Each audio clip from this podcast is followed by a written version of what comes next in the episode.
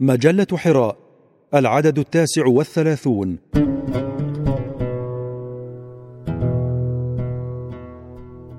الدكتور سمير بودينار. الدولة المدنية كما مثلها عصر المبعث النبوي.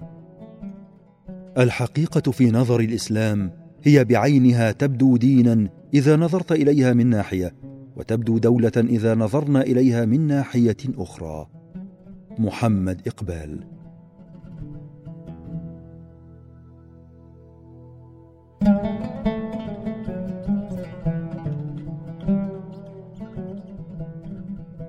واحدة من المشكلات الرئيسة في منهج المعرفة هي قضية المصطلحات وعلاقتها بالمفاهيم.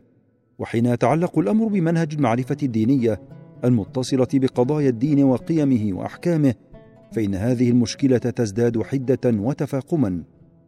ذلك أن مقتضى الفهم في هذا المقام هو إدراك العلاقة بين مبدأ الدين وواقع الحياة أو منهج استمداد الهدي الديني وتنزيل أحكامه وتعاليمه على القضايا المتصلة بحركة الحياة تحقيقا للغاية الدينية في واقع الإنسان والمجتمع بكل ما يحتويه من إشكالات وتعقيدات.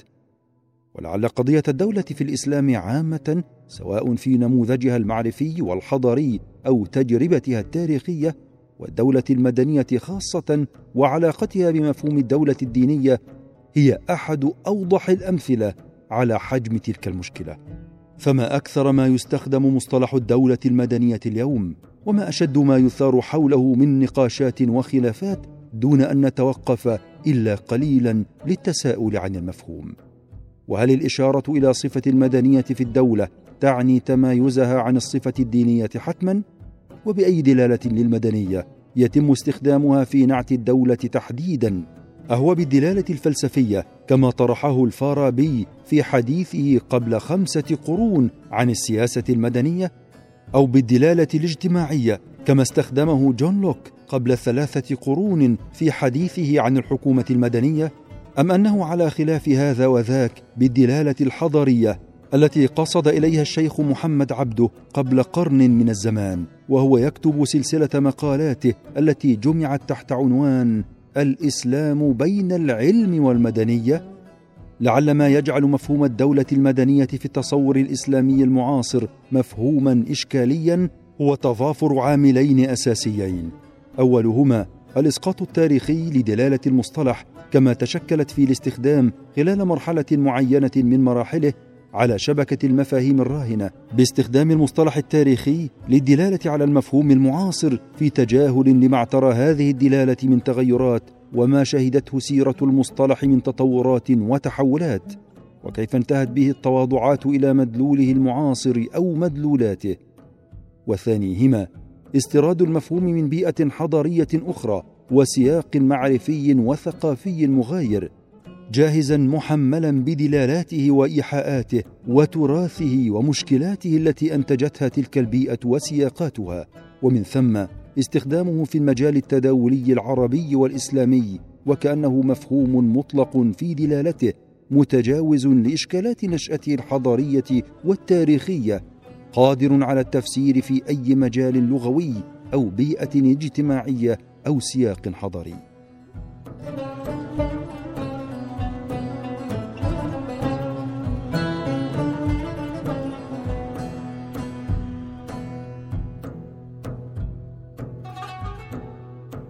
والحقيقة أن كلا الأمرين الإسقاط التاريخي والاستيراد الحضاري إنهما إلا تقليد يدل على فقد القدرة على الاجتهاد في التجاوب مع الأسئلة المستجدة في أي عصر.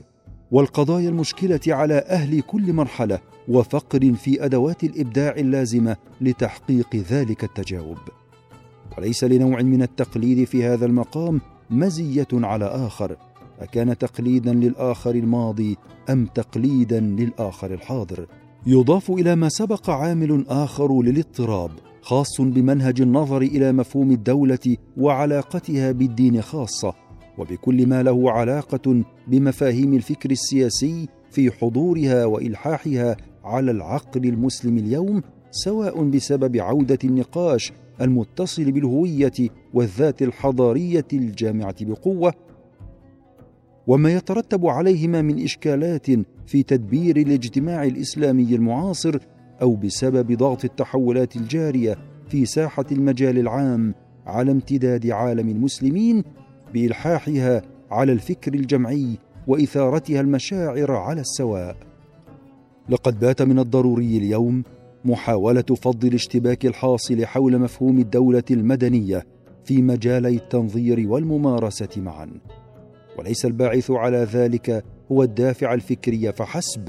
بل هي الآثار المترتبة في الواقع بوجه خاص عن ذلك الاشتباك. ما بين القول بأن المدنية في الدولة تعني مقابلا أو نقيضا للصفة الدينية بكافة مستوياتها.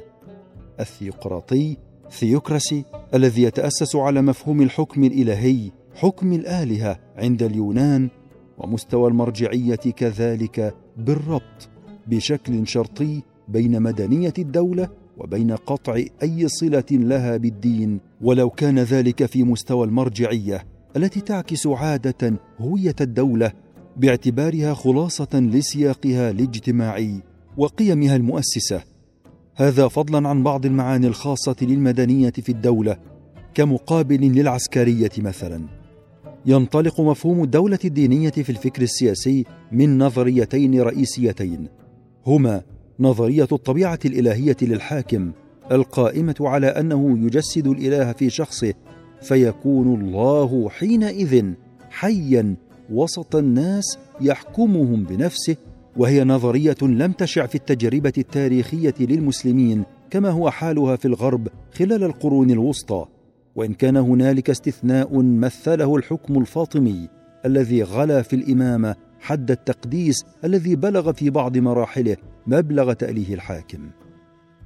والنظرية الثانية الأكثر شهرة هي نظرية الحق الإلهي وخلاصتها أن الحاكم هو اختيار إلهي لا مجال لرد أمره أو التعقيب على حكمه سواء تم ذلك الاختيار بشكل مباشر كما أكدت عليه الكنيسة في مرحلة صراعها كسلطة دينية مع السلطة الزمنية أو بشكل غير مباشر من خلال القول أن الأفراد إنما يختارون الحاكم بشكل مسير يجسد الاختيار الإلهي له.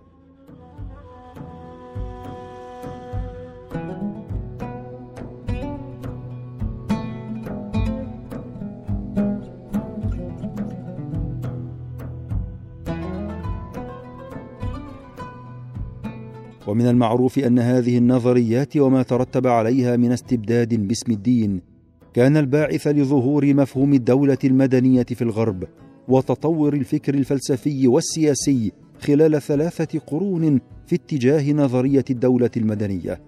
كما أصل لها ميكيافيلي منذ بداية القرن الخامس عشر وجون بودن أواسط القرن السادس عشر وتوماس هوبز بداية القرن السابع عشر. وباروخ سبينوزا أواخر القرن الثامن عشر ثم جون لوك أواخر القرن السابع عشر وبداية القرن الثامن عشر الميلاديين. مدنية الدولة. هذا في التجربة الحضارية الغربية. أما في السياق المجتمعي الإسلامي فقد كان الاتجاه العام إلى تأكيد السمة الدينية للدولة. ومن هنا فالفقه السياسي حين يبحث في شرعية الدولة في الإسلام فإنه يقيمها على دليلي التأسيس النبوي والإجماع التاريخي حتى إنه لم يخالف في الوجوب الشرعي لإقامة الدولة وضرورتها فيما هو معروف تاريخيا سوى قلة قليلة جدا خرجت على الإجماع في هذا المجال. هي فرقة صغيرة من فرق الخوارج وواحد من علماء المعتزلة. وهكذا تبلورت نظرية الإمامة خلال القرنين الثالث والرابع الهجريين لدى الاتجاه العام للأمة فيما يسميه الباحثون النظرية السياسية الاتباعية القائمة على مبدأ الإجماع كأساس للنظام السياسي ومصدر لشرعيته. والمعنى هنا أن الشرعية هي للدولة كمؤسسة واجبة التأسيس والقيام بدورها دينيا وحفظ مصالح المجتمع الكلية في أي عصر. ولعل ملاحظة العلامة الندوي في رسالته الصغيرة والهامة ردة ولا أبا بكر لها. أبو الحسن الندوي مكتبة السداوي المكتبة المكية 1992 تؤكد هذه الملاحظة حول الشرعية الدينية للدولة في الإسلام. وذلك حين أشار إلى أن المرتدين في عهد أبي بكر الصديق رضي الله عنه لم يرفض كثير منهم الجوانب العقدية في الدين ولا شعائره التعبدية إنما كانت ردتهم بالأساس رفضا للاجتماع السياسي الإسلامي ممثلا في واجبات المواطنة والخضوع لسلطة الدولة المركزية بالمدينة فيما يشبه ما يسمى في الاصطلاح المعاصر بالتمرد المسلح. وللمتأمل أن يرى كيف استمر هذا الإجماع على الشرعية الدينية للدولة بهذا المعنى في مجتمعات المسلمين على مدار تاريخهم وحتى نهاية الربع الأول من القرن الماضي. حين رأينا مثلا كيف كان الإجماع على تأكيد المبدأ ونقد جمهور العلماء لإطروحة الشيخ علي عبد الرازق التي حاولت مخالفته بالقول بعدم وجود أساس لشرعية الدولة في الإسلام التي ضمنها سنة 1925 للميلاد في كتابه الشهير الإسلام وأصول الحكم غير أن هذه الشرعية الدينية الحاسمة لمؤسسة الدولة لم تنسحب في الاتجاه العام للأمة على شخص الخليفة أو الأمير بما لا يضفي على وضعه قداسة ولا على قراراته وآرائه عصمة دينية. وهذا بوجه خاص غاية ما قصدت إليه نظرية مدنية الدولة كما سبقت الإشارة.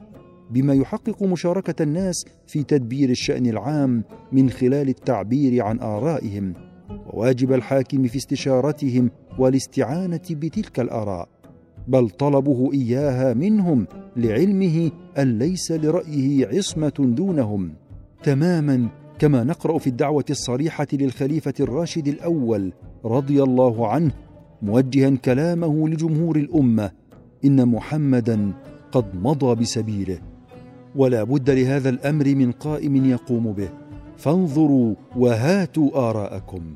صحيح البخاري كتاب فضائل الصحابة.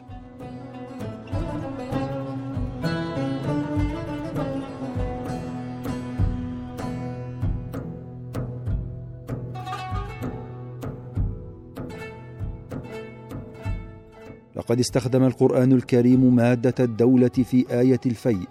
مطلع سورة الحشر كي لا يكون دولة بين الأغنياء منكم. غير أن اللافت في سياق البحث عن مفهوم الدولة المدنية أن نجد أن الوصف الذي يشير في الأصل اللغوي مدن إلى الاستقرار في المكان والتحضر فيه ليصبح مدينة قد اقترن بتأسيس الدولة في الإسلام. حيث أطلق النبي صلى الله عليه وسلم اسم المدينة على يثرب مركز إقليم الدولة. ويروى عنه صلى الله عليه وسلم أنه كان لا يذكر كلمة يثرب قط كما وردت روايات عن نهيه عن تسمية المدينة يثرب من قبيل ما رواه البخاري ومسلم يقولون يثرب وهي المدينة والإمام أحمد من سمى المدينة يثرب فليستغفر ثلاثا وما يروى عنه صلى الله عليه وسلم من أنه دعا المسلمين جميعا للالتحاق بها. وكانت تلك إشارة واضحة إلى السعي نحو إقامة النظام الحياتي والاجتماعي على مقتضى المدينة. ولعل هذا الأمر الجديد تماما بالنسبة للحياة في الجزيرة العربية. يوضح الفرق الجوهري بين مدلولي المدنيه المشتق من المدينة في كل من السياق الإسلامي والغربي. ففي الأول هي تتويج لمسار التأسيس الذي تحكمه قيم الوحي المطلقه وقوانين شريعته. وهكذا نشأت المدينة المنورة ثم الكوفة ودمشق وبغداد والقاهرة وإسطنبول والقيروان وفاس. حواضر أصلية تتبعها مدن وأقاليم أخرى وتستمد منها ثقافيا وتشريعيا وتنظيميا على أساس مرجعية ثقافية وحضارية حاكمة. أما في الثاني فإن المدينة هي مصدر قيم الدولة لأن هذه ناتجة عن وجود المدينة في الأصل ولعل اشتقاق مفهوم الحضارة من كلمة سيفيتيز الدالة على المدينة يؤكد أنها ظلت طيلة مراحلها الكبرى في الغرب الثلاث كما يفصل لامبارد إريك لامبارد وهي المدينة ما قبل الصناعية والمدينة الصناعية المدينة المتروبوليتان ذات المركز والهوامش نواه الحضارة ومصدر قيمها ومؤشر رقيها المدني. بينما هي في التجربة الحضارية الإسلامية تتويج لمسار التأسيس بل إن ابن خلدون يعتبرها مؤذنة بانهيار العمران ونهاية عمر الدولة لما يلازمها غالبا من الطرف الملهي عن واجبات الرسالة. بعد تحديد مجال الدولة ومركز إقليمها المدينة جاء العقد الدستوري مع صحيفة أو وثيقة المدينة التي مثلت نظاما للعلاقات القانونية داخل الإقليم بين السكان من المهاجرين والأنصار وغيرهم مجموعة القرى والقبائل والحصون المسماة سابقا يثرب بأبعاده الدستورية وامتداداته الأربعة وهي العلاقات الاجتماعية الجديدة المؤاخاة تنظيم العمل التخصص حملة التعليم. والنظام الاقتصادي استعمال النقود النهي عن المقايضة المداخيل الجبائية القارة والرابطة السياسية مرجعية الحكم رئيس الدولة رابطة المواطنة في إقليم المدينة والمقتضيات القانونية للسيادة وما يترتب عليها في العلاقات الخارجية تنظيم العلاقات بين القبائل اتفاقية الدفاع المشترك معها مبدأ الانضمام إلى المعاهدات بعد توقيعها.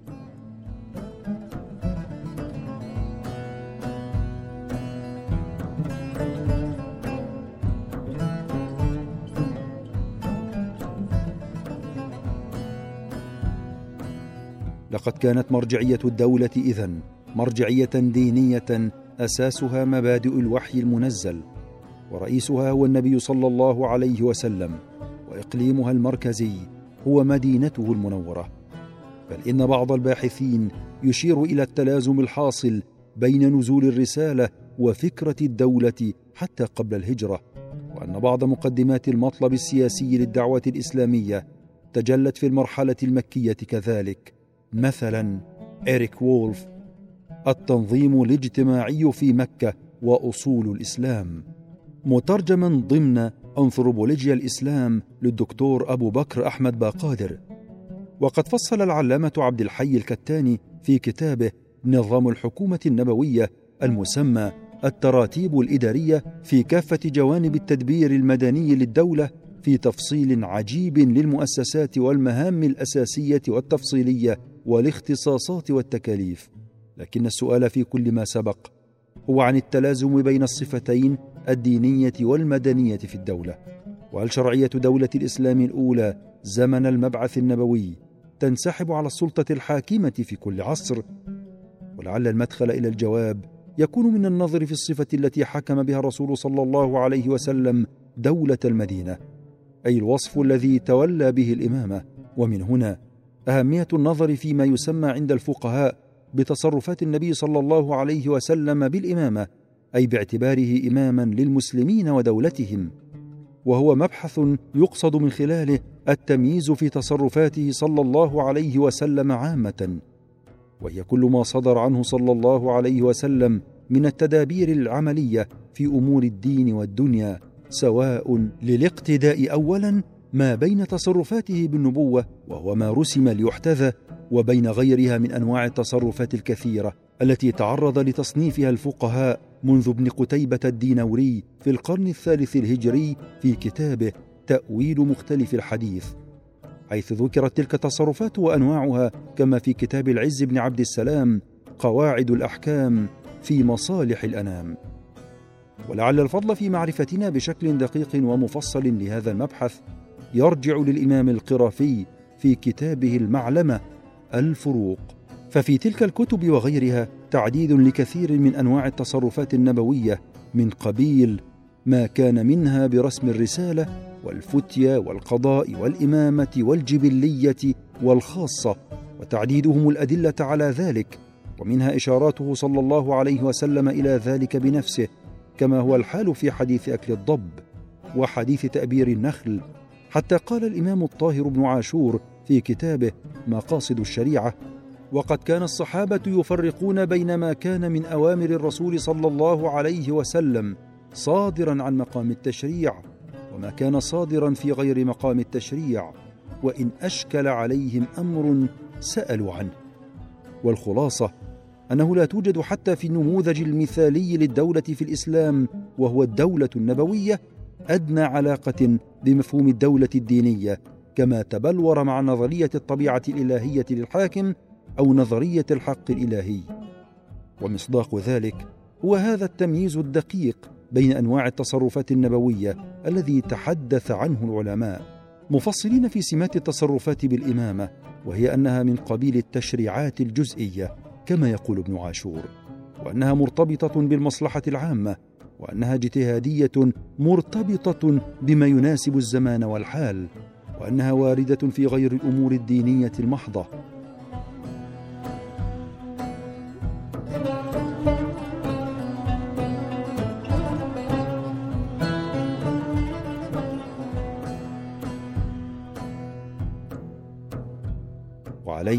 فإن الشرعية الدينية إنما تكون لمبدأ قيام الدولة والحفاظ عليها كمؤسسة لا للأفراد الذين أسبغت عليهم صفات التقديس وحصانة التأييد الإلهي في التجربة التاريخية الغربية أساسا. وهو ما يؤكد أن الديني والمدني اللذين صارا في العهد النبوي بناء واحدا بالنظر إلى طبيعة النبوة المسددة بالوحي له صلى الله عليه وسلم قد تمايزا في غيره صلى الله عليه وسلم بالضرورة وهو تمايز لا يمس شرعية الدولة في مجتمع المسلمين في شيء باعتبار الشرعية مركزة في مبدأ قيام الدولة وتحقيقها مقاصد الدين وسياسة حياة الناس بما يصلحها في كل عصر. وهكذا تتجاوز الدولة إشكالية الصراع بين السمتين الدينية والمدنية. على اعتبار الأولى مركزة في مرجعيتها المحددة لرسالتها وقيمها ومقاصدها الكبرى بينما الثانية متصلة بطبيعة السلطة السياسية الحاكمة فيها وطبيعة قراراتها وبرامج إدارتها وسياساتها في كل عصر. لقد عبرت الدولة باعتبارها البنية السلطوية للنظام السياسي في السياق الحضاري الإسلامي عن الوحدة المعنوية للأمة. وعن مقومات وجودها الثلاث الضرورية لاستمرارها وهي الثقافي والاجتماعي والاقتصادي التي تمثل الدولة من خلالها الأمة أو المجتمع وتجسد مصالحها وتيسر لها أداء رسالة شهادتها على الأمم.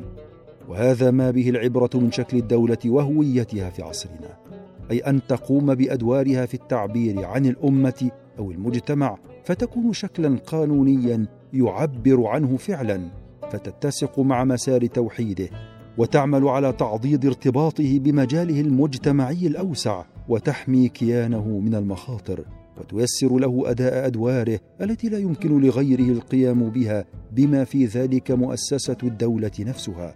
فتحفظ عليه بهذا حياته وفعاليته وتنظم حقوق أفراده. أما هذا الصراع المفتعل بين الدينية والمدنية في الدولة فقد أحسن أحد العلماء المعاصرين والمستشار طارق البشري في الجدل حول المدنية والدينية مقال بجريدة الشروق السابع من نوفمبر عام 2011 إذ شبهه بالصورة الشعرية التي أوردها مولانا جلال الدين الرومي وهو يحكي في ديوانه المثنوي عن قصة أستاذ طلب من تلميذه الأحول أن يأتي له بإبريق الماء الخاص به. ولكن التلميذ نظر إلى الإبريق فصوره الحول له أنه إبريقان اثنان واحتار في اختيار أيهما يحمل. ثم هداه فكره أن يكسر أحدهما ويأخذ الآخر. فلما كسر أحد الإبريقين لم يجد الآخر.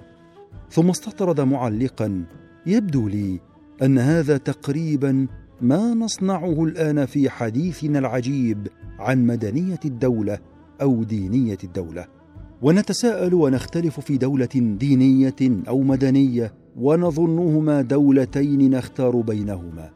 بينما هما شيء واحد ونحن إذا حطمنا ما نظنه واحدة منهما فلن نجد الأخرى.